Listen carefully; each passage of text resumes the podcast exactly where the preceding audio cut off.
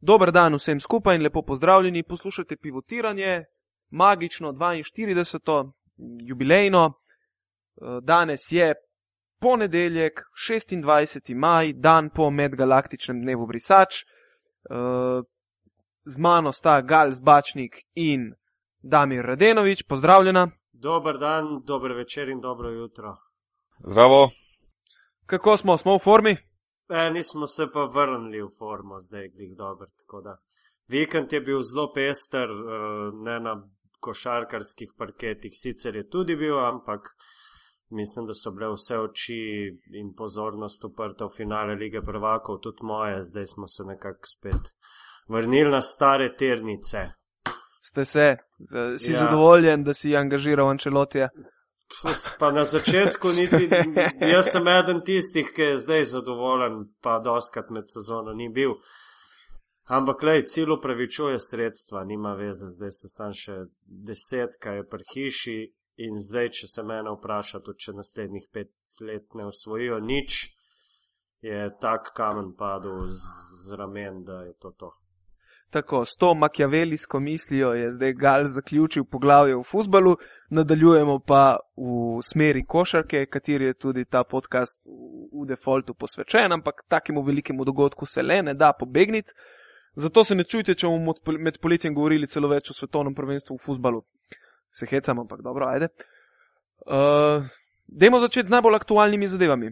Danes je prišla ven novica o Goranu Dragiču, top čuvana ja. Novica nekako. Ne? Mm. Any Ki comments? bo, ki bo nastopil vendarle na svetovnem prvenstvu v Španiji. Tako, tako. In ne bo šel po poteh Tonija Parkerja, recimo, ker Tony Parker ne bo nastopil za Fran Francijo. Uh, tako da ja, zdaj je pa vprašanje, po, potrebno bo slišati verjetno kakšen, kakšen intervju ali pa povprašati Jureta Zdovca, kaj zdaj to pomeni, kaj je to zdaj spremenilo, verjetno kar precej pri, pri sami njegovi, njegovem razmišljanju o tem projektu. Ne. Ker če bi v Španijo šel brez eh, Gorana Dragiča, bi verjetno bil cel proces povsem drugačen kot zdaj. Ne. Verjetno bi prišla v spredje bolj kakšna pomladitev tukaj upoštev, zdaj pa bo verjetno se šlo tudi uh, narediti rezultat, kot poznamo Jureta Zdovca. Ne. Ja, jaz menim, da je mogoče tudi preveč bilo že v štartu napisanega okrog tega, da je bilo jasno, da človeku treba dati po naporni sezoni čas, da, da se usede, zadiha, se pogovori z ustreznimi v končni fazi zdravniki, družino, reprezentanco, odgovornimi ljudmi. Klubom. Ne? klubom, seveda, in potem spreme tudi neko odločitev. Tako da današnja odločitev, pričakovana, nepričakovana, v bistvu eh, sploh ni pomembno. Pomembno je, da, da se je odločil. Um, kolikor vemo vsi o Juretu Zdovcu, je tako, da če tudi če bi pomladil reprezentanco, on bi še zmeraj ciljal na rezultat, je zelo zahteven do, do sebe, prvo kot prvo, potem pa še do svojih igralcev. Tako da, če Gorana ne bi bilo, kljub samo mislim, da, da, da se ne bi šli nekega turizma na svetovnem prvenstvu. Sedaj, ko pa je potrdil, uh, so pa vsaj za mene osebno mokre sanje, da bi želel, da še Beno potrdi in da imamo recimo resnično en vrhunski bekovski par, ki lahko uh, reprezentanco potegne na vzgor. Le, da ni, le da ni bazirala ta pripravljenost Bena Udriha, sam do takrat, dokler je bil Dragič pod Ja, vprašanjem. poglej, tukaj, tu, tukaj je zdaj tako, ne, da, da to je zdaj kristalna, kristalna krogla. Ne. Jaz mislim, da če sem danes prebral, Dragič tudi ustraja na tem, da je v nekih pogovorih sam z Benotom, da, da, da bi rada združila neke moči. Uh, tako da, ne vem, pustimo se presenetiti. Uh, jaz mislim, da je bilo dobro, če bi bila oba, če pač ne bosta oba, je seveda toliko uh, bolje tudi, če je samo uh, Goran, ker brez njega mislim, da bi resnično morali iti v, v čisto pomladitev. Vendar pri nas se govori o tej pomladitvi reprezentance, ki pač bo prišla.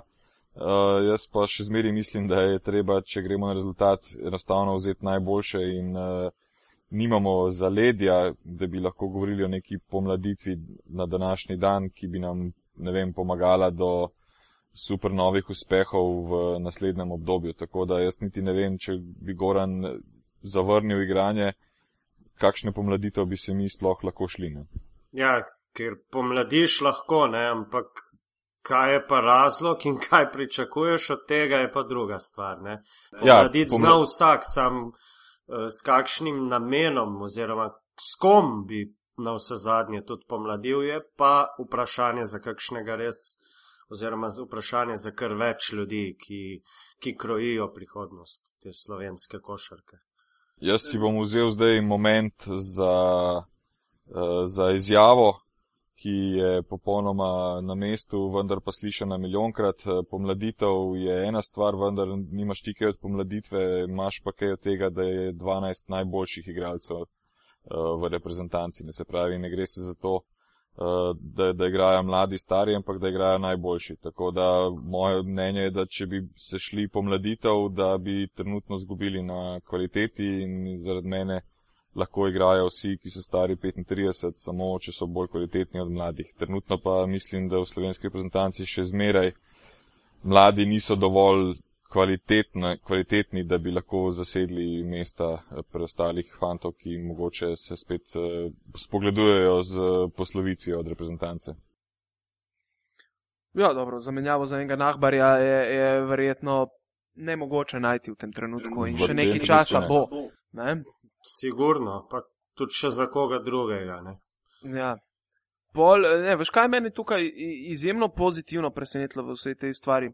ker recimo zelo močno se je tokrat klub angažiral tudi z izjavami, da bojo Dragiču ne prepovedali, ampak na vsak način poskušali doseči, da ga po njihovih besedah pač usmerijo eh, k počitku v tej sezoni. Po eni strani v bistvu zelo razumljivo, glede na to, da je prva violina Phoenix Sunsov in je prišel v Phoenix direktno z Evropskega prvenstva in mislim, da je imel petkrat v tej sezoni poškodovan gležen. Ne? Na začetku se je ogromno boril z enimi malimi poškodbami, Uh, tako da ja, je, je bilo pričakovati ta pritisk. Čeprav, čeprav jaz pa mislim, da je vsaj delček, ne bom zdaj rekel, da je to, to bil glavni faktor, ampak sigurno je bil uh, je svoj delček v mozaik letošnje NBA sezone dala reprezentančna akcija, kjer je bil Dragič prvič v svoji karieri nesporen lider in mislim, da mu je to pomagalo da se, Absolutno. da se lažje potem. Absolutno, dvignilo mu je še dodatno samozavest ja. in res je pršel gor, bi rekel, na brid kot v, v dobrih starih časih Pantera na oder. Ja. Uh, druga stvar, ki jo tukaj še vidim zelo pozitivna, je, da se je po vsem takem svetovna prvenstva ponovadi ta veliki zvezdniki, kadar uh, recimo, kot se je zgodilo v primeru Tonija Parkerja, predtem tudi Paul Gasola, veliko krat Dirka Novickega, ne? glavni nosilci si vzamejo včasih svetovno prvenstvo za počitek, ker samo svetovno prvenstvo rezultatsko ti ne prenese nič, razen če zmagaš prvak, in dobiš ja. prvo mesto. Uh, tako da z tega stališča mislim, da je še enkrat Goran Dragič tukaj pokazal, da ne samo, da je franšizni igralec Phoenixa, ampak da je v bistvu tudi, če uporabim ta izraz, franšizni igralec slovenske reprezentance in verjetno eden in edini, okoli katerega se bo igra gradila, ne samo na tej akciji, ampak tudi v prihodnih akcijah. In verjetno, po mojem mnenju, tudi edini uh, zreli kandidat zdaj za nekega novega kapetana reprezentance in obraza naslednje generacije. Ker Goran Dragic ima tukaj še recimo ene pet let uh, uh, lahko vrhunskih iger za reprezentanco, potem je pač že veliko odvisno od njegove same energije in želje naprej. Ne? Ampak res lahko postane popoln prepoznaven obraz in, in mogoče tudi tisti kapetan z žarom in jajci. Sigurno, brez konkurence, jaz mislim. Ja, jaz mislim, da mu je treba postaviti to vlogo, oziroma vse, vse je že v ozadju bil postavljen v to vlogo, ampak vseeno sedaj pa je je to obraz naše reprezentance in tudi glede na to, da sem jaz verjetno stalno med tistimi skeptiki glede budočnosti reprezentance, bomo morali na njega še več in več eh, v bistvu staviti, ampak po drugi strani, uh, ker si prej omenil pet let in več, uh, se bomo tudi v bodoče morali pri, pripraviti na določeno reprezentančno akcijo ali določeno prvenstvo, kjer bo enostavno izostal iz, iz vsem eh, znanih razlogov. In če bomo takrat uh, spet bili nekako razdeljeni v tem razmišljanju, reprezentanca je svetinja in ne vem, ne, ne odbija se poziv in ne vem kaj, bomo v bistvu pokazali lastno, kako bi rekel, nezrelost glede razumevanja tega, kdaj se igra za reprezentanco in kdaj ne. Tako da on je sedaj tudi sigurno je bilo nekaj pritiska javnosti in uh, posebej, ker je zdaj že en mesec doma in uh, se srečuje z ljudmi in tako naprej. Se mi zdi, da je določen procent uh, pri njegovi pozitivni odločitvi bil tudi v tem, da se ni želel dati glavo na tnalo, pa biti uh, potem izpostavljen raznim uh, medijskim pritiskom, če bi, če bi rekel, da ne bo igral da bi potem izpadlo, da, da, da ne vem, mu srce ne bije za Slovenijo in take druge floskole, ki jih radi uporabljajo v naših medijih. Ne? Ja, to je, za me je to ta bedarija, da ni večje, sploh v tem njegovem primeru. Ne? Zdaj, če ti poveš od samega začetka, tako pa tako je, jaz imam probleme s tem, pa s tem, pa s tem, ali tudi če jih ne poveš, le da poveš na začetku, koliko je ura, ti nima nobeden pač legitimnosti ni nobene, da bi ti kdorkoli karkoli učital. Ne? Če se pa gre tako, kot so bile v preteklosti neke zgodbice, jaz bi me nočejo, jaz bi to igral, ne, bi pršel, ne vem kaj, v takem primeru si pa brez dvoma lahko vsako stvar svoje mnenje in ima potem tukaj kaj zapovedati. Ne? Tukaj, tukaj je še ena pozitivna stvar, uh, ki upam, da se jo vodilni na KZS-ju tudi zavedajo. Uh, Jurez Dovc je recimo samo od zadnjega evropskega prvenstva, ki ga je on pač, uh, kjer je on vodil našo reprezentanco, je tudi pet let starejši in še bolj izkušen. In uh, pri njemu je komunikacija dokaj neposredna, kar se tiče uh, reprezentančnih stvari in akcij in tako naprej. In uh, mislim, da on tudi za bodočnost, če ga bojo zadržali za dlje časa, ne bo nikoli v nekih igricah in pogovorih, pa ta bi prišel, če bi igral 20 minut, pa ta hoče biti četrta violina, pa ta ne vem kaj bi, pa kaj ne bi. Ampak eh, bo vse v razumnih rokih on eh, razrešil v pogovorih eh, z igralci. Ne, ne, Jure je znan potem, da pove vsakemu igralcu v bistvu v faco, kar tako, si misli. Tako, tako, da, tako da mislim, da, da v njegovem mandatu uh, bo manj teh uh, medijskih stvari, ja, ta je obljubil, pa ni obljubil, ta, ta ima, ne vem, uh, to željo, pa tisto željo. On bo povedal, te in te in te imam na seznamu, z vsakim od njih sem se pogovoril, dal sem rok, da pove svoje do takrat in takrat, če se ujema v filozofijo in se odzove, bo zraven, če se ne ujema v filozofijo in se odzove, ga sploh ne bom povabil in če se ujema v filozofijo, pa bo rekel, da ne ve, pač potem ne bomo se z njim veliko pogovarjali. Ne? Tako da jaz mislim, da to je še ena pozitivna stvar, uh, ki, kjer sem jaz sam eh, bil mnenja že takrat, ko je Jure vodil leta 2009, da bi KZS moral narediti vse v, v svoji moči, da ga zadrži za dlje časa in da, da da neko kontinuiteto uh, selektorju, ker smo jih tudi menjali dobesedno na, na vsako evropsko prvenstvo, zdaj pa upam, da vejo, da je Jure prava izbira in da jaz ne bi tukaj preveč uh, filozofiral, filozofiral ja. in ga bi imel dlje časa. No. Mm. Uh, še ena stvar, recimo, uh, ravno tako dragič, tokrat zoran. Ne? In to me je tudi presenetilo, ko sem zvedel, pač, da je na seznamu poškodovanih, da bo moral operirati kilo. To ni nedolžna operacija in predvsem uh, rehabilitacija zna nekaj časa potrajati tukaj, ne? ker predvsem te v času rehabilitacije zelo spremljajo bolečine in ti mora telo, recimo, sprejeti to mrežico, ki ti jo ugradijo noter. Uh, tako da me je zelo pozitivno presenetilo, da se je kar brez pardona nekako odločil, ne, ne, ne, rehabilitacija bo končana in jaz bom nastopil na svetovnem prvenstvu, uspel se bom udeležiti priprav. Uh, mislim, v bistvu gre za en tak zelo samurajski odnos do reprezentance, če pogledaš strani obeh. Ne? Ja, tam smo tudi nekako vajeni. Ne?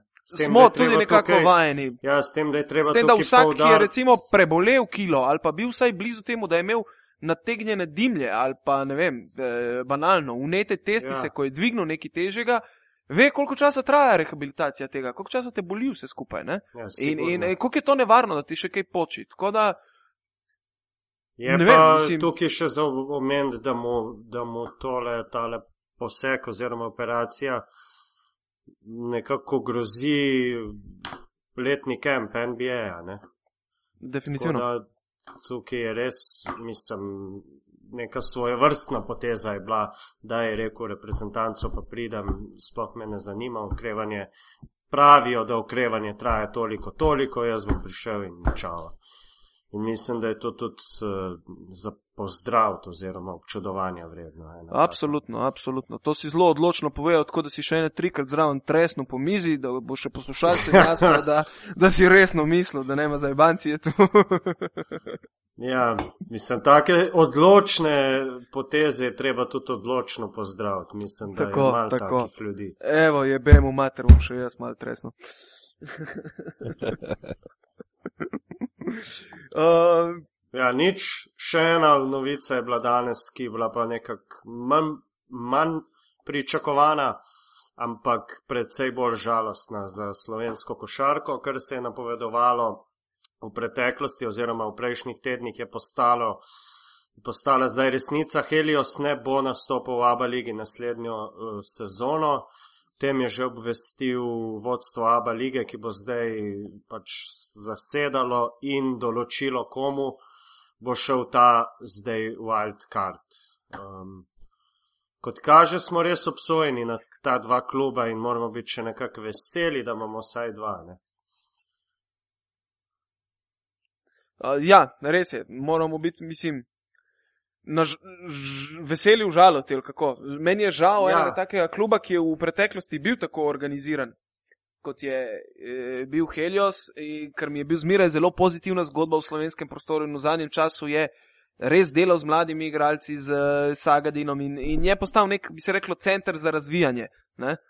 Uh, upam, da bojo uspeli še vedno zadržati neki tega kadra, recimo, bojim se pa, da bojo ta svoj kader razprodali celo brez odškodnin. V redu je, da te igralci, ki so letos se dokazali v, v državnem prvenstvu, se pravi Rebec, Mahkovic, eh, Horvat je recimo že odšel k Olimpiji, eh, v igri tako za Olimpijo kot za Krko je verjetno Morina, ki sicer po mojem mnenju ni pokazal zdaj nekega astronomskega napredka, ampak je očitno na tržišču štirk slovenskim potnim listom eden redkih. Um, škoda je, da te igralci odidejo iz Heliosa, eh, morda celo na tak način, da uspejo brez odškodnine razreti pogodbo. Ipak so, eh, mislim, ipak Heliosu tukaj pripada eh, odškodnina, ker je le spravil te igralce ja, na sceno. Gor, so se nekako sprofilirali, ampak. Absolutno. Zakoni tega se bojim. Jasni, ja, zakoni so jasni. Bojim se pa, da bo to šlo še na dodatno škodo Heliosa in, in lahko se tukaj potem zgodi res kakšen črn scenarij. Ne? Ja, mislim, definitivno more vsaj četverica letošnjega Heliosa, ukolikor želi nekako držati to kontinuiteto svojega. Za igrati v Abu Leiji. Minimalno Abu Leiga je, je tukaj fiks, obveza, ni, ni, ni druge. In, in po drugi strani bi bilo najbolje, če bi bilo to recimo v Heliosu, ne, da, bi, da bi recimo še, še nek ta kor na domačem parketu zadržali naprej. Ampak pač tega tako ni, tako da lahko itak pričakujemo na nek način, uh, da se bojo pogrupirali polovica v Krko, polovica v Olimpijo. Ne, ker ne verjamem, da bi, da bi našel kakšen angažma v tujini, ki bi odtehtal vse da bi bil za njih tok pač ugoden, kot bi bilo to tukaj doma. Tako da ja, Hrovat je že prvi in mislim, da mu bojo sledili še nekateri posamezniki, saj trije, po mojem mnenju.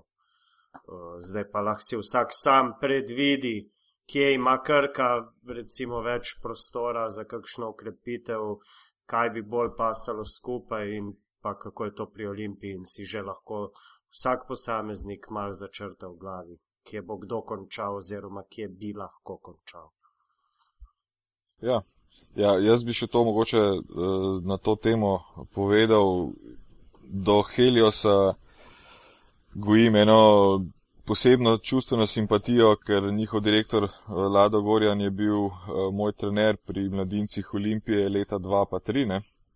Ja, uh, ja. Tako da jih imam pač še posebej rad zaradi tega in tudi z Ladotom sem imel en kratek uh, razgovor pred uh, parimi uh, dnevi en prisrčen razgovor, tako da ta novica mene sicer ni presenetila, ker uh, nisem pričakoval nekega razumevanja novih lastnikov firme Helios za, za, za, za Abu Ja, Ligo. oni so bili predvsem tudi šokirani zaradi dolga, ki je bil na nek način prikrit in, in to je potem skupaj rezultiralo. Dolg je, eh, potrebno je povečati proračun ekipe, eh, kotizacija in zaradi vsega tega naj bi oni pač rekli, da ne, sorry, ker sem tole prekinil, zdaj pa kar ti povej naprej. Ja.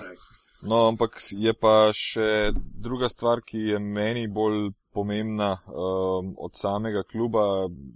Jaz v tej naši državi vedno gledam skozi perspektivo bodočnosti in reprezentance in Slovenije kot države. Uh, za mene ima Helios dva, tri igralce, ki so zelo zanimivi in uh, v vsakem primeru, ne glede na to, da, da, da, si, da si želim, da bi Helios pač ostal bo v slovenski ligi v neki kapaciteti in z mladimi igralci, ampak uh, glede na to, da sem ga spremljal letos kar, kar, kar veliko, uh, so mi določeni igralci zanimivi in morajo, nažalost, Heliosa, ampak mogoče na srečo reprezentance, kasneje morajo to sredino, ki so jo sedaj prerasli ali pa zaključili neko zgodbo, morajo iti v višjo sredino. Ne? To absolutno se strinjam. Sigurno. In, in, in, in eh, jaz bi bil razočaran, če recimo dobro za Hrovata se mi zdi, da je pravo potezo potegnil, spet govorim samo skozi prizmo Slovenije.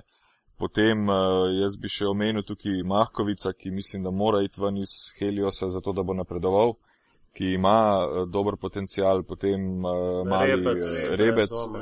Um, tako da to, to, te fantje bi morali biti v sredini, kjer bi lahko še bolj napredovali. Predvsem ne bom rekel, da lahko bolj napredujejo v smislu treniranja, ker pri zmagu so sigurno bili deležni. Scali kri. Dok, Ja, pa ne gre- Dokler so bile plače, ne. Ja, vse ravno to, ne, ravno to, ampak ne gre se tudi toliko za to kondicijo, ampak gre se za, za glavo, za, za taktiko, za razumevanje igre. Uh, tako da tukaj mogoče ni, ne bo tak hudi, hudi preskok, ker je že pri, pri zmagu Sagadinu to na, vi- na visokem nivoju skozi vsa nje- njegova leta treniranja, ampak gre se za težavnost tekem, za, za, za pritisk, ki ga občutiš, če igraš Aba ligo, ki je drugačen pritisk, kot če igraš, ne vem, proti elektri v Šoštanju. Ne? Um, tako da ta dva igralca bi omenil, kar se tiče Morine, jaz pa za njega sem pa dokaj razočaran, zato ker je, je, bil, je bil bolj, bom rekel, kako rekel, ve, večjo prihodnost sem mu napovedoval v preteklosti, pa se mi zdi, da se je letošnji sezoni mečkano izgubil. Uh, druga stvar, ki pa je oba dva centra, ki jih je, ki jih je imel Helios, se pravi Majstorovič in Radulovič, ne, sta dokaj zanimiva. No, jaz ne vem sicer, uh, kakšna je njuna perspektiva v bodočnosti, ampak uh, z svojimi 211 cm sta dovolj uh, gibčna in uh, lahko koristna, tako da Nažalost je za, za mene Helios danes eh, na, na, na, na, ne vem, bom rekel, na področju košake kot na garažni razprodaji. Treba je vzeti vse, kar je dobrega in, in jih razvijati. Ja, meni je tega najbolj žal. Ne? Jasno mi je, da igralci tem Ja. morajo iti naprej. Najbolj mi je pa žal, da se zna zgoditi, Da da klub Helios ne bo imel nič od tega, ne. tega. Ja. Ne? Kot se je dogajalo recimo z olimpijnimi mladinci ali pa tako naprej, ali pa tudi igralci, ki so bežali brez odškodnin. ne. Ja, samo lahko nam je žal zaradi institucije in imena. Ne more nam biti pa žal, če nekdo finančno po, po, po, po svoji plati ni opravljal svojega posla. Ne. Se, se zdaj ne Sigurno. moremo, ne moremo govoriti, da nam je hudo za, za nekom, ki odhodke in prihodke ni mogel ujeti skozi vsa leta. Ne. Okej, Uh, makes si, je sense, popo, ja. si je popolnoma sam, sam kriv. Ne. Jaz eh, sočustvujem z inštitucijo in z imenom Ja, eh, Helios Domžale. samim, ja. Ne morem pa sočustovati s tem, da če pač fantje niso bili plačani, pa predvsem vedimo, da to niso plače 15 tisoč evrov na mesec ne, Ja, za, za enega igralca, ampak so to plače, ki so v nekem uh, dokaj solidnem razmerju in če kljub tega ni mogel urediti in če se je šel nekaj, ne, se jaz bi tudi zdaj rad imel pet prijateljev, pa bi radi ustanovili NBA klub, ampak lej, pravila so jasna. Toliko stane kotizacija, toliko stane to, toliko stane tisto, toliko stanejo plače primerljive. Če se ne morem tega iti, potem se pač tega ne grem. Ne? In uh, to je nek ostanek. Uh, starih časov, vse tukaj popolnoma enako velja za, za Olimpijo in Krko, da ne bi zdaj kdo mislil, da, da, da je samo pri Heliju se tako. Vsi se grejo neke um, profesionalnosti, a nimajo osnovnih pogojev za profesionalnost in predvsem pri osnovnih pogojih mislim denar. Vedno je, jaz poznam milijon bivših soigralcev svojih, ki so igrali po raznih uh, slovenskih ligah, prvih, drugih, kjer se je pač obračal nek denar, pa ni pomembno, je bilo to 300 evrov na mesec ali je bilo to ne vem kaj, uh, pa dejansko vsi po vrsti so mi razlagali, ja, pa tam so mi dolžni tok, pa tam sem se mogel izpogajati, pa sem jim mogel pol pustiti, pa ne vem kaj.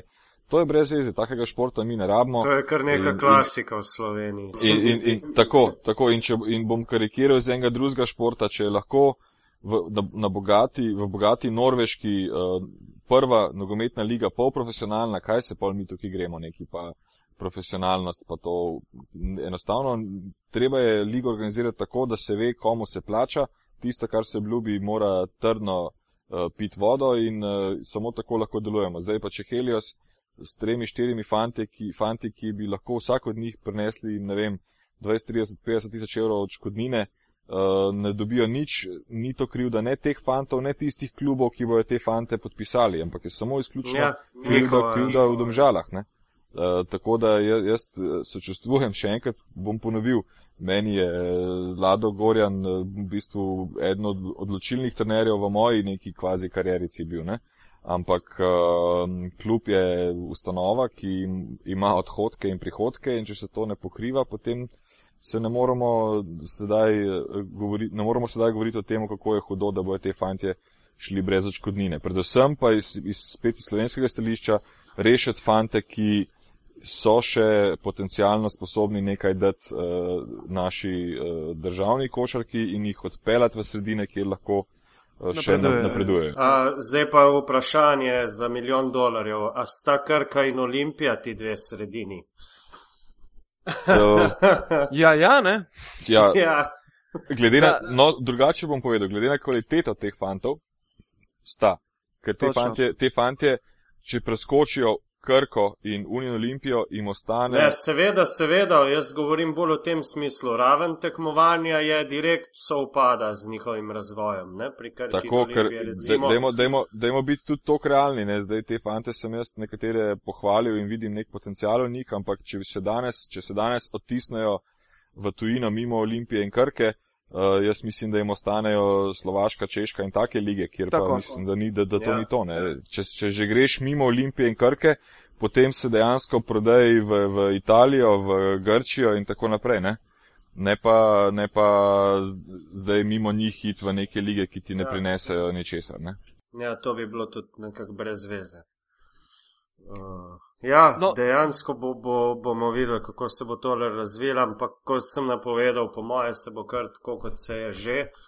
Uh, po, po lanskem prvenstvu mladih, uh, mlajših reprezentanc je nekako izprofilirala ekipa, ki je odšla v novo mesto in uh, tista, ki je šla v Olimpijo. Mislim, tako, kar velika tako, bitka ja. se je tukaj dogajala in vsako leto se v bistvu dogaja za tiste. Uh, par mladih igralcev, ki se profilira na slovenskem prostoru, je pol zmeraj bitka med Olimpijo in Krko, da, da se stepejo za njih, uh, kjer po drugi strani tudi prihaja do ene zanimive anomalije, zato ker se večkrat zgodi primer, da sta oba kluba zainteresirana za istega igralca in ja. nekako potem se da tudi zgoditi, da nekako te igralci, kljub temu, da so profilirani v slovenski ligi, niso pa še profilirani v ožjem mednarodnem prostoru, kot je Abu Leiga, ne, ne pridejo v Olimpijo ali pa v Krko kot nosilci, znajo pa že podpisati više pogodbe, ravno zaradi tega na konto tekmovalnosti med Olimpijo in Krko, kdo jih bo dobil. Ne. In potem tudi tukaj prevlada včasih kakšna više pogodba, in pol se zgodi, da ja. imaš včasih na brzino preplačanega slovenskega mladega talenta. Ne. Ja, sploh če ostane nekaj časa v klubu, ne, pa bom potem tudi če še po, podpiše še eno novo pogodbo, ima potem boljše izhodišče, lahko pač iztrži še višjo pogodbo in tako naprej. Jaz pa mislim, da je važen je sam, da, da, da dobijo priložnost, pač pravo priložnost. Ne drobtinic, kar se tudi dogaja z mladimi v Sloveniji. Uh, tako da, ja, upam, da, upam, da se bo nekako, da bo vsaj eden ali pa dva, recimo, ta nova prišleka, da boste nekako. Ne, to, je dejansko, ven, to bi bilo dejansko super. To je potem že zelo dober odstotek, Ja. če govoriš o tem. Ker zdaj se bo za te fante začel najtežji preboj. Ne? Iz slovenske lige se pravi narediti v ožjem mednarodnem prostoru neki. In, in, in v bistvu tako se kali jeklo. Ne? No, samo za njih je sedaj idealna eh, priložnost, za, Absolutno. za, ker v bistvu finančne razmere v državi in v klubski košarki so prišle do tega, da sta Olimpija in Krka prisiljena delovati večinoma s perspektivnimi mladimi slovenskimi košarkari. Uh, naslednje leto, kar se same Evrope tiče, bo ne bo, to zdaj niti ni tako pomembno, ampak je bolj pomembno to, da se mi zdi, da v obeh klubih naslednje leto ne bo nekega hudega rezultatskega pritiska, kar se tiče ABA lige. In uh, ker so tudi sredstva majhna, to pomeni, da bomo mogoče imeli to srečo pa gledali naslednje leto dva slovenska kluba z slovenskimi mladimi fanti, ki lahko zrastejo nekaj dobrega, ki se bojo borili in uh, razumeli, kaj pomeni biti slovenc in igrati za slovenski klub in dejansko se lahko tudi nadejamo nekaterim dokaj inspirativnim predstavam. To je vsaj moje mnenje, ne? ker uh, ne vidim Olimpije, da bi naslednje leto spet uspela prijeti uh, s štirimi američani, tremi rusi, dvemi finci in petimi litvanci, ne? ampak uh, enostavno se bojo morali obrniti na, na to, kar imamo v Sloveniji z dodajanjem dveh, treh tujcev, v Krki pa prav tako. In, uh, ker ni nekega pritiska evropskih tekmovanj, se mi zdi, da je to eno odlično leto, da se tudi proračuni ne obremenijo preveč in da mladi dobijo priložnost in iz te priložnosti, da izplavata dva, tri, da izplavata dva, tri, izplavajo dva, tri igralci, ki Se zadržijo še za kako leto ali dve. to in potem koristijo v končni fazi spet slovenski košarki. Ne? Absolutno.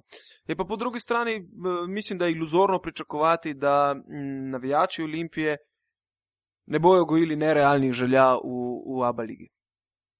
Ja, Ne. ja. Dobro, navijači Olimpije lahko gojijo želje, da se bo Olimpija v roku petih let priključila Evropski konferenci NBA, ne? ampak to, to bodimo realni, vsak, vsi tisti, ki, ki poznajo, ravno zadnjič sem uh, en, en intervju z uh, direktorjem Olimpije na televiziji videl, ki je pač dejansko tudi prav povedal. Ne? Oni, Olimpija, tudi ko je na največjem dnu, ima določeno število gledalcev na zadnji tekmi eh, slovenskega prvenstva in te ljudje mislim, da bojo hodili stalno in bojo razumeli, kdaj je Olimpija v težavah finančnih, kdaj Olimpija lahko pričakuje več ali manj, ampak mislim pa, da pravilna pot glede na krizo in glede na vse je dejansko ta, da bojo gledalci prišli podpreti mlade slovenske igralce, ki se bojo pač za, v zameno za to morali dejansko na zobe metati po parketu in predstavljati to Olimpijo. Prav tako pa velja to isto eh, za Krko. Krka ima tudi pač eno določeno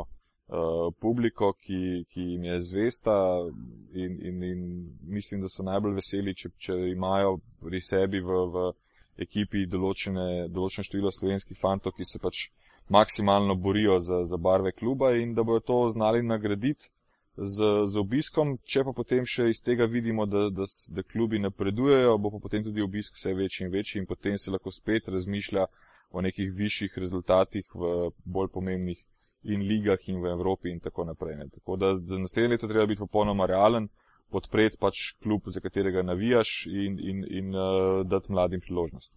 ja, točno tako nekako. Evo, Ker je, lepo težko, ker je težko, recimo, sploh mladim vsako leto drugo ekipo gledati. Ne? Pa recimo vprašajo očeta, kdo je pa ta, kdo je pa ta, tega pa ne poznam, pa tega tudi ne poznam, pa drugo leto spet isto. Ne? Tako da ja, to je edina, edina pot, tudi po mojem mnenju. In zdaj smo, Ja, jaz- zdaj smo Jaz bi še to povedal, ravno ko si rekel za mlade. Ne? Mislim, da smo vsi taki redni obiskovalci košarkarskih tekem. Uh, V, v Stožicah me zelo veseli, uh, da, da se mi zdi, da počasi, eh, poudarke na zelo počasi, ampak raste spet ena generacija otrok uh, od, od vem, 7 do 12-13 let, jih je na vsaki tekmi 150-200 ki so navijači bodoči in eh, v bistvu za njih je treba, to je priložnost zdaj v tem primeru za Olimpijo, da vzgaja te navijače, da jim, da jim da nekaj, s čemer se bojo po, poistovetili in uh, če jim to uspe, potem se spet za budočnost obiska ne bo treba toliko bati, kot, kot zdaj izgleda, glede na finance. Za, za nas starejše pa dajte nam pivo v dvorane, ne? Pa bo. Aha, dobro, to je pač stvar, za katero mislim, da, da ne bi bilo dovolj, če bi še vzeli si čas za eno drugo oddajo. Ne? Ja, sicer, seveda. Ja, neč, zdaj je to kar dober nastavek, da, da gremo kar na državno prvenstvo. Mislim, Finale državnega prvenstva. Tudi ti imel tako. to v glavi, ja. Tako uh, je. Po podaljšku na prvi tekmi, ko je Krka, mislim, da zapravila 15 točk prednosti, In potem tekmo po podaljških dobila, se je spet na drugi tekmi zgodil en preobrat. Ne? Krka, prvi polčas odličen, 39 točk, prednost 9 točk, drugi polčas vsega 21 točk v celem polčasu. Olimpija je nekako v obrambi stisnjena in tekmo na koncu, zadnji četrtini praktično s 23 proti 8 obrnila sebi v prid in zdaj je to poravnano na 1 proti 1. Kaj mislite, kaj bo zdaj v torek? Ja, jaz bi se najprej obrnil na te dve tekme. Ne? Recimo na Twitterju sem bil dokaj uh, glasen vse čas obeh tekem in predvsem Olimpijo in ekipo pridno zbadal. Ne? In, in uh, objavljal razne satire, in tudi povedal, da je mislim, da Džile je edini trener, ki Pipsu dovoli preobrati in vrnitev po minus 15 točkah. Kolikor uh, sicer škodoželjno to zveni, je tudi nekaj resnice v tem, ampak uh, najbolj me je v bistvu pozitivno v tej seriji, moram priznati, presenetila Olimpija. In sicer to, da z dvema igralcema in, in Marinelijem vozi skupaj tole finalno serijo. V bistvu sem pričakoval, močno prevlado Krke. In, in, in um, po prvem porazu v novem mestu sem kljub vsemu, moram priznati, pričakoval tudi poraz v Stožicah. In me je nekako ta uh, borba Olimpije me je izjemno presenetila, no? ker uh, po odhodu Gailjusa, uh, še poškodba Vladoviča, Brodnika, zgledalo je, da enostavno ni več kadra, da bi bilo sposobno parirati krki, ki pa po drugi strani ima kljub vsemu, da so dvakrat uspeli zabušiti to prednost, enkrat so se zvlekli za miši, uh, drugič pa yeah. Ja. ne. Uh, ima še vedno, če pogledaš v napadu, izjemno lep flow žoge, skozi iščejo tega igralca več v napadu ne? in jim veliko krat tudi uspeva. Kljub vsemu jih je pa podobroči z enim borbenim muričem in, in, in uh, ne morem reči, jih nekim blaznim doprinosom Stevensona in, in uh, Omiča, ker jih pač ni, ampak kljub vseeno, no, vsake toliko se postavita tam in sta, uspejo zgurati. Na drugi tekmi so jim izjemno prevladovali tudi v samem skoku. Ne? Ja, Tako da ta serija zna iti res do konca. V, to, v je, to je tudi mene presenetilo. Jaz sem tudi na, pač na, ko pogledaš razmerje sil, ti je nekako hitro jasno, kdo, kdo bi tukaj moral in kako predvsem mislim, Krka ima dve peterki, ki sta objektivno, pa zdaj naj se sliši nesramno ali ne, kakorkoli, dve peterki, ki sta nekako na papirju obe močnejši od najmočnejše olimpijine, ki pa sploh nima dveh peterk. Ne, lej, zdaj, če pogledaš, da... Eh, če ni, na začetku še, ko je bil, dobro, Salin se je vrnil, lih iz poškodbe, ja. ampak brez Salina imaš ti kaj?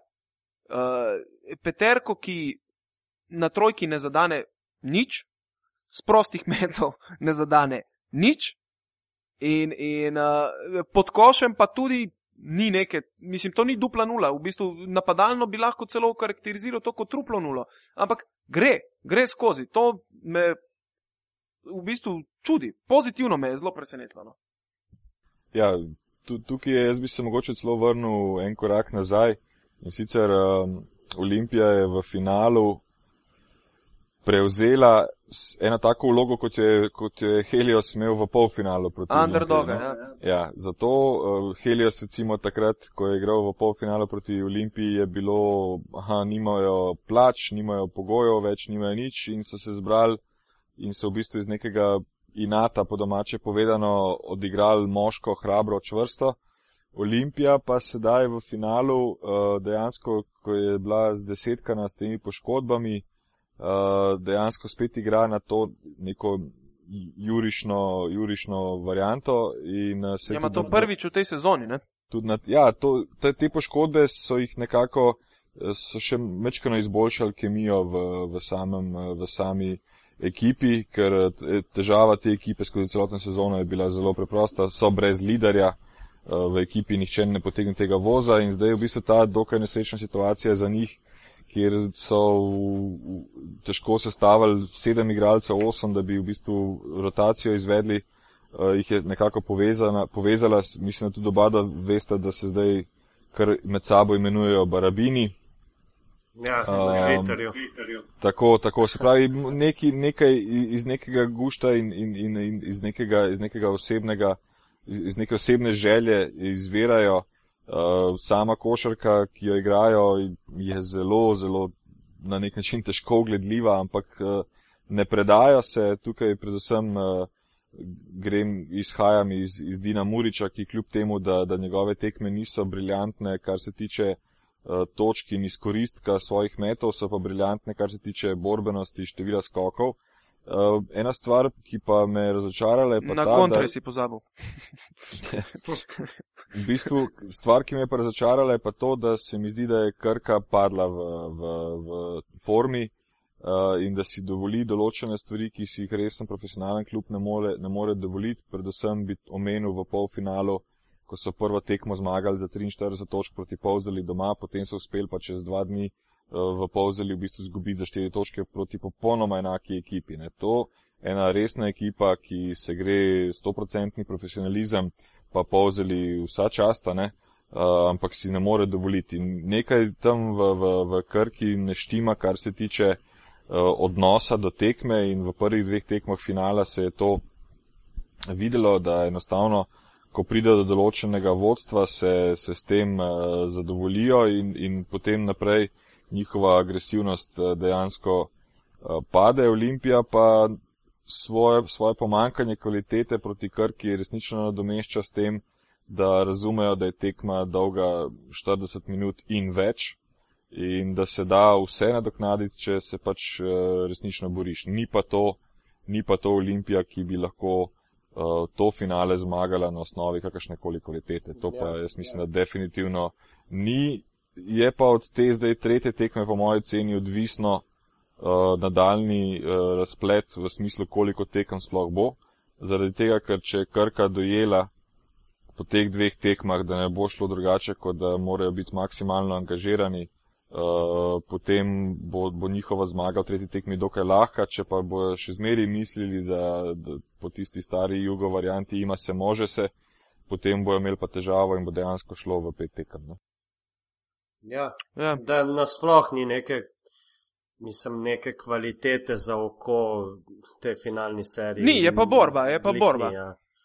Borba pa je, ne? če gledaš recimo ja. točno to, Muriča, kako skače, kako se klofa pod košem, to je super. Ne? Ni mi sicer jasno, kako, uh, mislim, to se vidi res, da ni liderja v ekipi in očitno tudi liderja pravega na klopi, ker vsakič, ko potegne kontro, on pivotira to žogo noter uh, v protinapad in po domače povedano zajebe tranzicijo.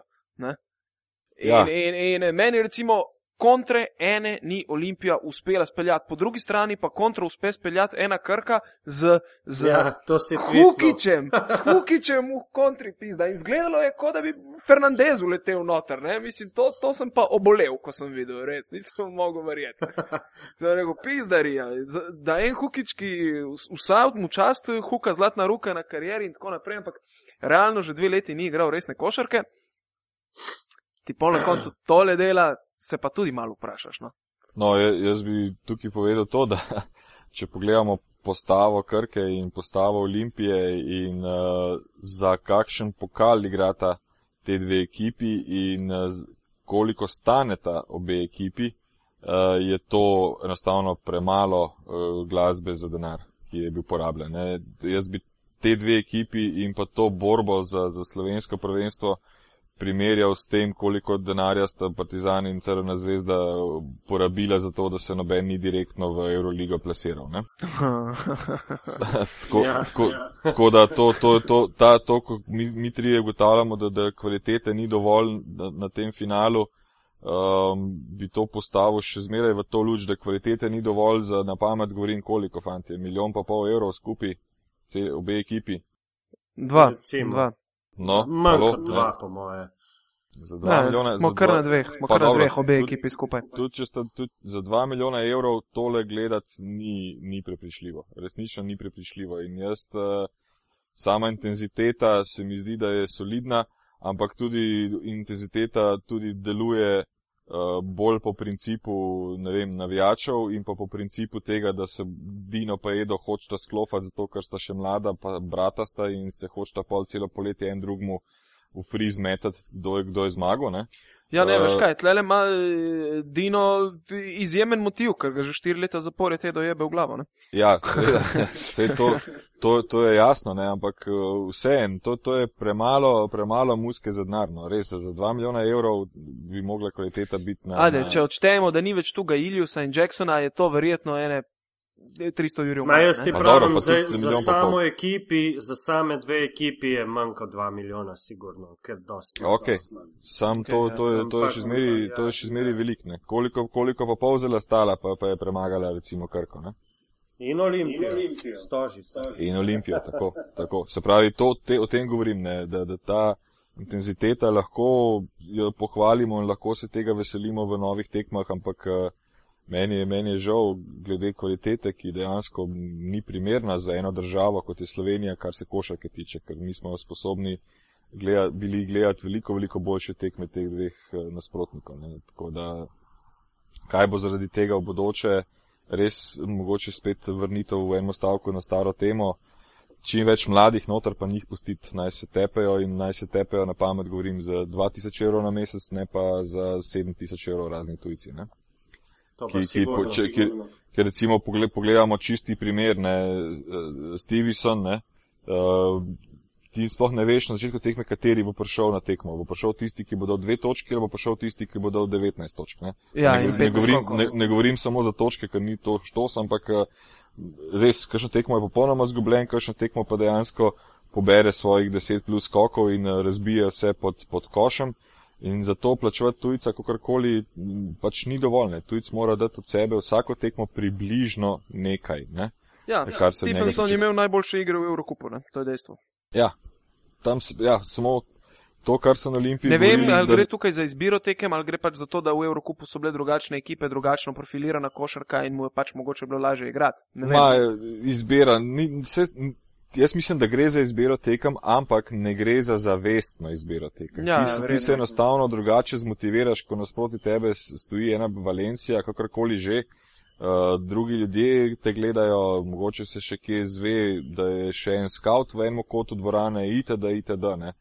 Tukaj le v, v državnem prvenstvu pa te fanti, ki so prvo sezono ali pa tudi drugo, ne razumejo, da je v Sloveniji ekstremno pomembno, ekstremno pomembno biti prvi na vasi.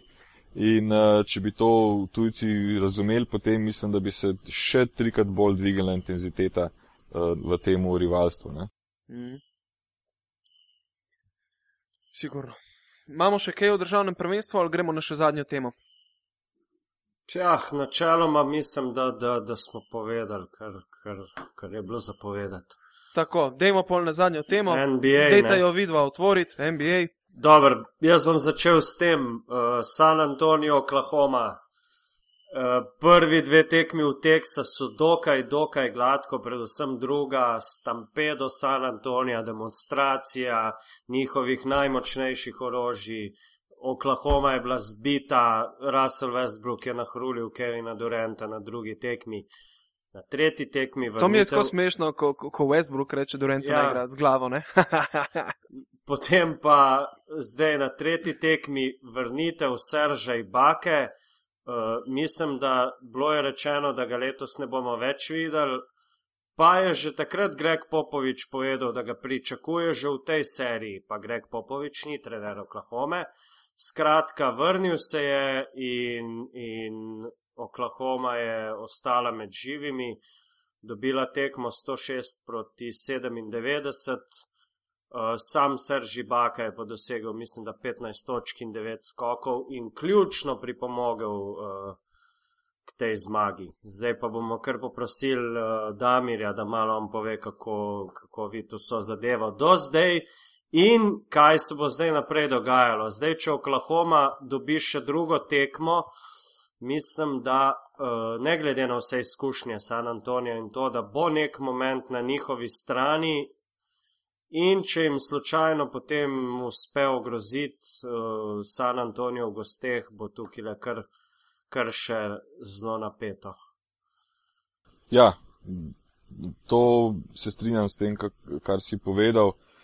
Uh, prvo kot prvo, tukaj v tej uh, seriji so bile na začetku določene psihološke igrice, um, poškodba, katero naj bi imel Serži Baka če bi bila stoprocentno resnična, bi je dejansko tako, da se ne bi vrnil do konca playoffa. Uh, Greg Popovič je očitno stari maček, ki je vedel, da, da, da, da poškodba ni tako huda in zato ga je pričakoval, uh, zači, da, bo, da bo igral v tej seriji že. Um, jaz mislim, da si je včeraj sicer to poškodbo spet obnovil, ker, oziroma včeraj danes po našem času. Uh, ker je tam v četrti, konec tretje četrtine, je bil že spet v enem skoku in je orang šepal in je potem moral tudi zapustiti uh, dvorano za nekaj časa, tako da Serži Baka sigurno ni, ni pripravljen. Je pa to za mene, da včerajšnja tekma, oziroma spet današnja, je bila bolj jurišna kot pa dejanski uh, prikaz uh, razmer v tej seriji. Jaz mislim, da tudi če je Oklahoma uh, zmaga še drugo tekmo, da zmaga San Antonija v tej uh, seriji za mene osebno ni vprašljiva še zmeraj. Ne. Lahko pač malo je to problem tako ali drugače, ampak pogledamo vseeno še iz drugega vidika. Recimo San Antonijo je včeraj imel najslabši odstotek meta v celi letošnji sezoni. Ja, ne, se, pravi, se pravi, tukaj, tukaj je prva posledica bila Ja, mislim, mislim, da sem zasledil podatek, uh, da so imeli 42 uncontested šutov, zadel so jih pa 14. To je, to je v slogu slovenske lige. Ne, ja, nazaj, druga, nazaj. druga stvar je, San Antonijo je prepričljivo izgubil uh, skok. Uh, netipično prepričljivo je izgubil skok in uh, kljub temu, da je Ibaka igral, je teh skokov nabral sedem, uh, San Antonijo ja, pa, ja. San Antonijo pa je imel pa 16 skokov manj, izredno slabo so skakali in uh, poleg tega, uh, kar pa v sami statistiki ne piše, je, se pa vidi, da iz teh skokov, še predvsem ofenzivnih, so imeli uh, Oklahoma dejansko več uh, drugih in tretjih akcij, kar se tega tiče. Ne? In so potem tam zaključovali. Jaz mislim, da San Antonijo tako slabe tekme kot jo je odigral, jo ne more še enkrat uh, odigrati uh, in da, da ni tako vprašanje. Uh, Američani so zelo znani po teh motivacijskih prijemih in uh, že ko sem videl začetek tekme, ko je Ibaka prišel na, na igrišče in, in ves medijski pomp okrog tega, kako bo on stisnil zobe, je dal določenega, določenega, določen zagon v Oklahomi in ta zagon se je pač pretvoril v zmago v tej tretji tekmi, ampak še zmeraj ne vidim, no, to, to je spet uh, subjektivno, seveda, ampak ne vidim, kako bi oni uspeli to celo serijo eh, spreobrniti v, v svojo korist in dejansko tudi serijo dobiti. Uh, San Antonijo je preveč izkušena ekipa, Greg Popovič je preveč izkušen maček, da bi dovolil, da jih nekaj takega potre do, do take mere, da se zdaj oni ven iz tega ne bi pobrali. Ja, ja, ja, enostavno mislim, da, da je San Antonijo v tem momentu premočen. Mm. Kaj pa na drugi strani, se pravi Indijana ja, in uh, tam Miami? Bo pa, tam bo pa v noči na, na torek, to je danes. Danes po noči ob pol treh, je, ja. Jutr, ja. Je verjeten kar, kar ključna tekma. Ne? Miami Miami je ukradel eno tekmo v Indijani in dobil prvo doma, tako da vodi 2-1. In če bi današnjo tekmo dobil, mislim, da uh, saj teh uh, realnih šans, tudi ne glede, se ne rabimo na to operati, ampak tudi statistika govori svoje, kako mehen delež ekip, ki zaostajajo 3-1, je potem serijo dobilo, mislim, da potem nimajo več šans. Tako da bo treba danes to tekmo dobiti, eh, če še želijo upati na, na, na zmago. Je pa Indijana še vedno ni tista prava. Ne? Ne, Indijana dejansko ne igra že od eh, All-Star Breaka. Imeli so nekaj dobro. prebliskov, recimo tista tekma, ko so jo dobili. Prva je bila, je nekako dala v brise, kako bi lahko igrali, ampak mislim, da težko so sposobni te še ene take predstave. Ne? Ne, dejansko ne. In tudi uh, Miami, dejansko, ki ima tako imenovani Big Three, ga nima že nekaj časa, ker Chris Bosch je, ne vem, v svojem svetu. Ja. Ja. In, uh, in v bistvu se ponujajo indijani na pladnju, ampak indijana ima svoje lastne probleme. Po moji oceni bomo šele po sezoni še marsikaj iz tega tabora izvedeli, kaj je narobe. Uh, in in uh, vsaka druga ekipa bi bila sposobna to izkoristiti. Jaz mislim, da bi že Washington bil težji nasprotnik uh, uh, Miami, glede na to, da so pač igrali proti Pacersom prej. Uh, ni, ni, nekaj ni v redu z Indijano in tudi njihova igra, razen te prve tekme, ki so jo dobili, ne, ne vliva nikakršnega zaupanja v to, da bi uspeli še to preobrniti, spreobrniti dejansko. Pa žal mi je, ker uh, mislim, da ta ta Miami, kakršen je danes, si ne zasluži prsta na, na tak ali drugačen način. Uh, privoščim sicer odlične igre Rejo Elenu, ampak eh, ekipa, kot je sedaj, to je njihov tudi zadnji ja, neki poizkus, ja. ker dejansko so jim prestari in preveč salary capa zauzemajo uh, in morajo letos dobiti prstan, če ne se bo ekipa tudi transformirala. Ampak Indijana ima pa težave, ki se mi zdi, da so še zmeraj skrite ja, očem ja. javnosti in zaradi teh težav ne vidim, da bi jim uspelo. Ja, jaz sem bral, da, da, da naj bi se Paul George poigral z izbranko Roja Hiberta.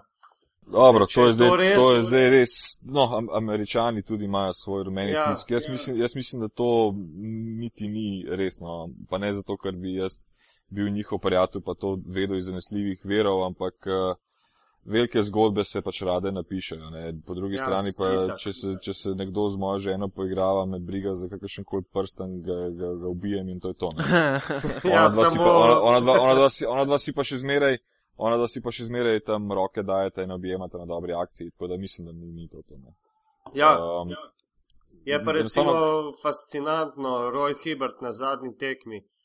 36 minut, pustimo 16 točk, ampak dva skoka, človek, ki ima 2,18 m, ki naj bi bil proti Miamiju napaljen, ker so rivali in on je že odnegdaj proti Miamiju bil napaljen, da ne govorim, kakšno, kakšne, kakšne nasprotnike ima na, na svojem položaju. Dva skoka, to se meni zdi, ne vem kako, nezaslišano.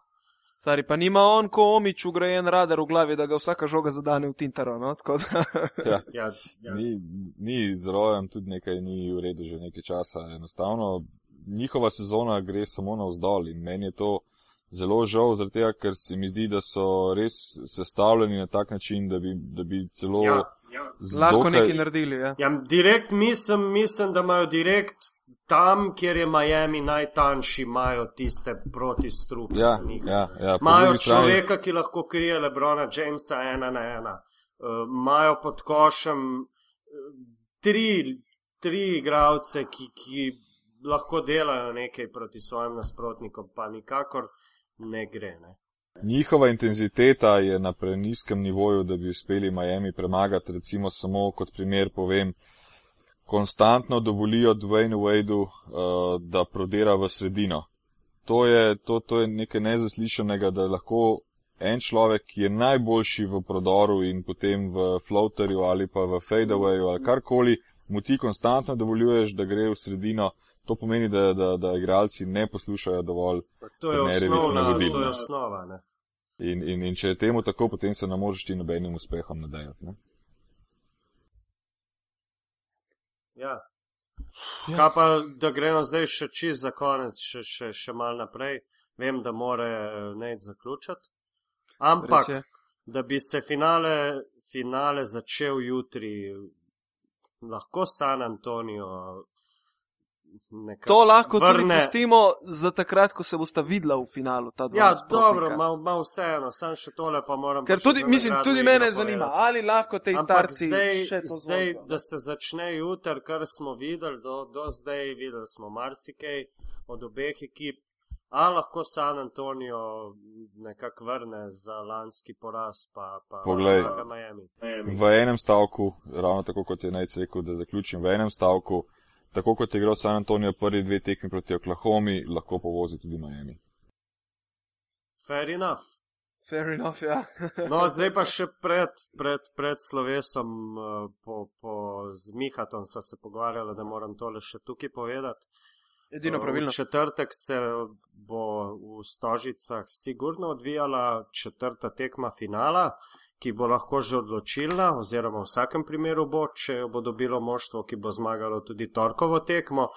Eh, Spet imamo na voljo dve VIP karti in bodite pazljivi na naših eh, telih socialnih omrežjih, omrežjih, ker v sredo bomo začeli, pa mislim, da jo bomo v četrtek tam do, do pol dneva te dve karte nekomu podelili, to so pa VIP karte, kar pomeni, da tekmo spremljate direkt iz parketa, skoraj na mesto Zora Napredina, tako da se splača. To je pa to, kar se tega tiče. Ok, še kar se tiče admina, eh, se pravi, pivotiranje je del mreže Apparatus, najdete nas na www.apparatus.si slash pivotiranje, Eh, prisotni smo tudi na svojem Twitter profilu pivotiranje in pa na Facebooku ali v sklopu Apparatusa ali pa kot pivotiranje, prav grupa sama po sebi. Skratka, ima nas svuda. Ja, Uh, drugače smo tudi vsi uh, prisotni na socialnih omrežjih. Mene najdete pod Afna T. Jablonski z Y. mene da. najdete z bale z dvema L. Mene najdete pa Afna MRDEE 25, Mr. D25.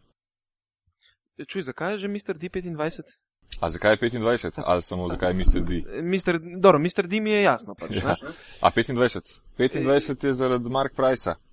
Moj Ja, najljubši ja. igralec vseh časov, spremljal sem ga od leta 1986 in od takrat naprej mi je ta številka najbolj pri srcu.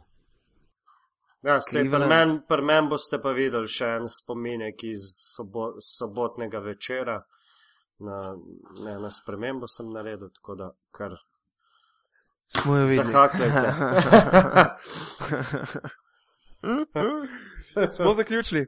Smo. Okay. Smo. Ok, to je bilo za danes vse, se slišimo naslednji teden, bojda, sigurno. Uh, ja, jaz moram iti trgovino, preden mi jo Ja. ja. zaprejo. Hvala vsem, ki boste tole poslušali, pa za feedback. Tako. Na... Tako, uh, feedback lahko nam pošljete ali na, na, na Twitter ali na Facebook, lahko tudi mail, uh, pivotiranje afna aparatus.si, aparatus je z dvema p. Uh, v iTunesih tudi lahko spustite kakšno oceno, če kdo posluša, lahko se tudi naročite ja. na, na podcast. Ali v iTunesih je pa drugače na strani aparatus.si razloženo skozi vse operacijske sisteme. Meni je se najbolj lahko všeč za naročite. Blackberry. Ja, glede Black- Blackberryja naročnina je itak zakon, ampak ne bom se mešal. Najlažje zato, ker- gre. Najlažje ja. je na Blackberryja si naštimati. Točno Mislim, to, da- tako da Boki Nahbar ima glede Ja. ja. tega prav. Jaz se ga ne upam zabavati, ker ipak ima 2,7 m pa dolge roke. No.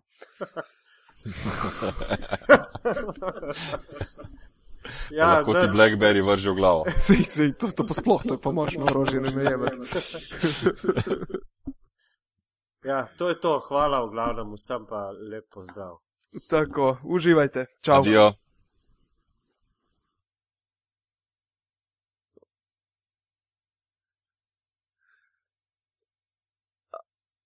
Ne, ne, ne, tle sem, tle sem.